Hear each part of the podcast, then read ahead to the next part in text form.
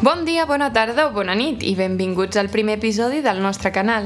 La Laura i jo, la Marina, som dos estudiants de pedagogia que han passat bastant mal de caps a l'hora d'estudiar des de sempre.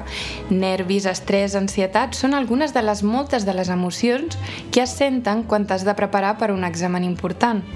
És per això que després de diversos anys d'experiència volem compartir amb la comunitat escolar tots aquells tips, consells o metodologies que ens han funcionat a nosaltres per poder obtenir els millors resultats acadèmics. A més a més, amb l'entrada de 2021, per molts estudiants també comença aquell moment de la temuda època d'exàmens on tots els professors ens posaran a prova. Com a passada i present estudiant, sé el que representa aquest moment, i és per això que ens hem posat les piles i decidit que seria el moment idoni per compartir amb vosaltres el que a nosaltres ens serveix. Primer de tot, s'ha de dir que cada persona és un món i que segurament molts dels consells que donarem en els episodis no us serviran d'absolutament res. En el meu cas, el que més tinc és memòria visual, perquè molts dels consells que altres persones m'han donat, com gravacions d'àudio o esquemes, mai a la vida han sorgit efecte i m'han creat bastanta frustració. Doncs si partim d'aquesta base, seria interessant que féssiu un petit anàlisi de vosaltres mateixos i del tipus d'aprenentatge que creieu que us anirà millor i s'escau. Les podeu provar totes, però jo us dic que per estalviar feina millor primer us coneixeu una miqueta. Si, per exemple, sou persones que a l'atendre classes us quedeu amb la copla de tot i amb una llegida ja teniu prou, està clar que sou els candidats perfectes per tots els consells relacionats amb l'audició, les gravacions que anteriorment he mencionat i de les que parlarem amb més detall a continuació. Abans de res, és molt important deixar clar que per poder desenvolupar aquestes habilitats d'estudi és molt important, com en qualsevol altra pràctica, ja sigui l'esport, l'oci i els hobbies, marcar-se rutina i ser constant. I ser de sobres el que costa fer deures o estudiar quan no és per obligació. A mi, per exemple, m'acosta una barbaritat buscar-me feina quan en realitat no hi ha. No m'han ficat cap treball, no hi ha deures, no hi ha absolutament res a fer.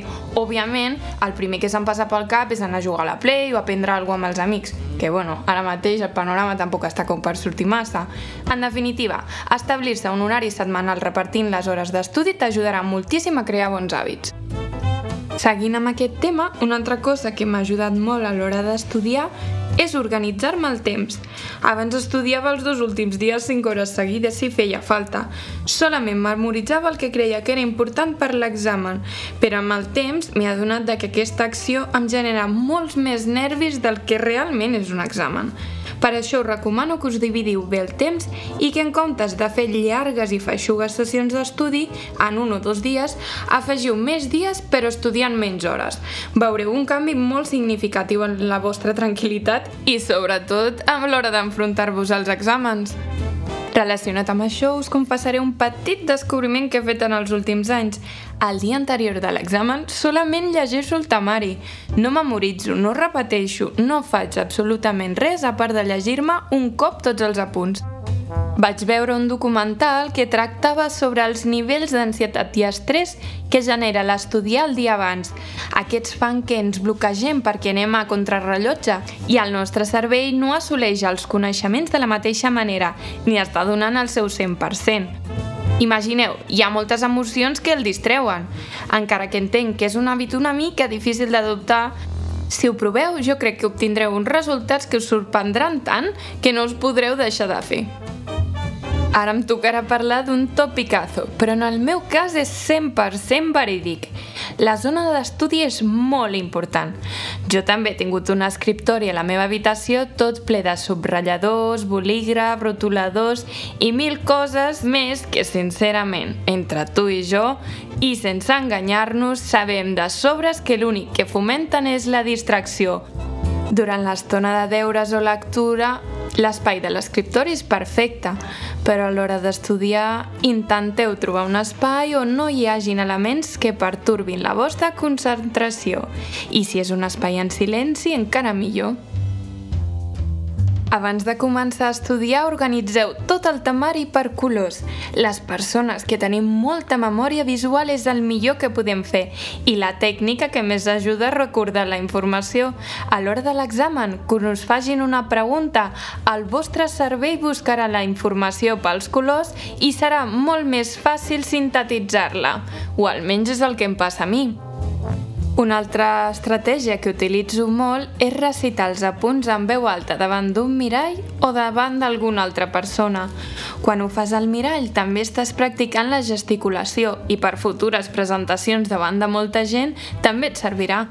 I si ho fas davant d'alguna persona, si el que dius genera debat, hi ha conversació o es fan intervencions, hi ha un feedback que el teu cervell recorda per l'examen.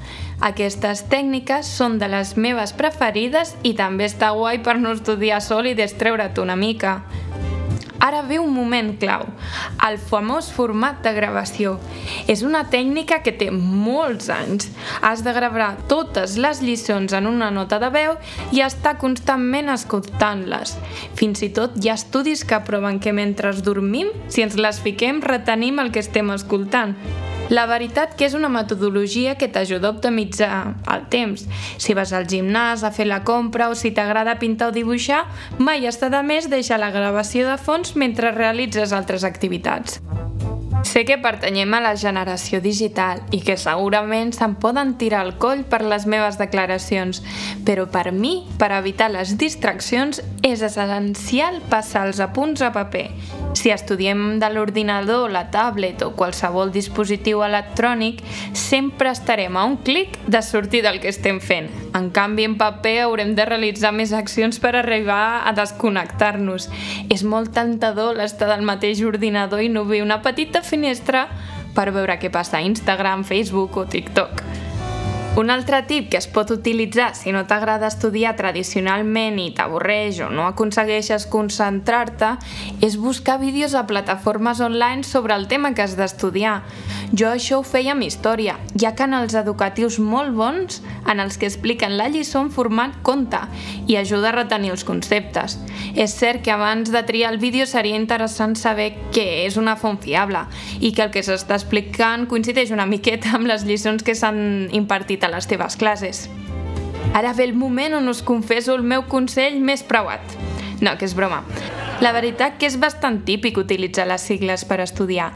Crec que depenent de l'assignatura pot servir o no, però en el meu cas, pel que estudio em va genial per memoritzar i classificar la informació. Al crear noves paraules amb les inicials de cada cosa que has d'estudiar, estàs creant el teu propi idioma quan estudies i, per tant, el teu cervell ho retindrà amb més facilitat. Ara us comentaré dos consells que estan científicament contrastats i que encara dia d'avui em sorprenen per l'efecte que tenen. Per una banda, està provat que les connexions neuronals durant la realització de l'esport es reforcen i milloren notablement, pel que és molt més fàcil que la informació es quedi fixada al teu cervell. I què podem fer després d'una miqueta d'esport? Doncs menjar alguna coseta. En aquest cas, el que es recomana és prendre algun aliment saludable, sobretot la fruita, que aporta molta glucosa i fructosa que és del que s'alimenta el cervell. I per si fos poc, el contenir tanta fibra farà que s'absorbeixin els nutrients de forma pausada i continuada pel que la teva concentració millorarà. El KitKat o les xutxes les podem deixar per celebrar l'èxit de l'examen que haurem realitzat. I per últim, però no menys important, si us plau, porteu un bon horari de son. El descans és super important i marcarà el ritme del vostre rendiment pel que intenteu al màxim possible respectar almenys 7 hores de son diàries, que és el que us permetrà estar al 100% durant tot el dia i més abans d'un examen, perquè és el moment on es consolida tot el que has après. Si us costa dormir pels nervis o l'estrès, podeu provar remeis naturals com la melatonina en pastilles o algunes infusions com la valeriana, la camamilla o la tila. Bé, i fins aquí un primer tas del que volem mostrar en el nostre programa. Esperem que us hagin servit els nostres consells i ens veiem en el pròxim episodi per moltes més tècniques d'estudi. Fins la propera!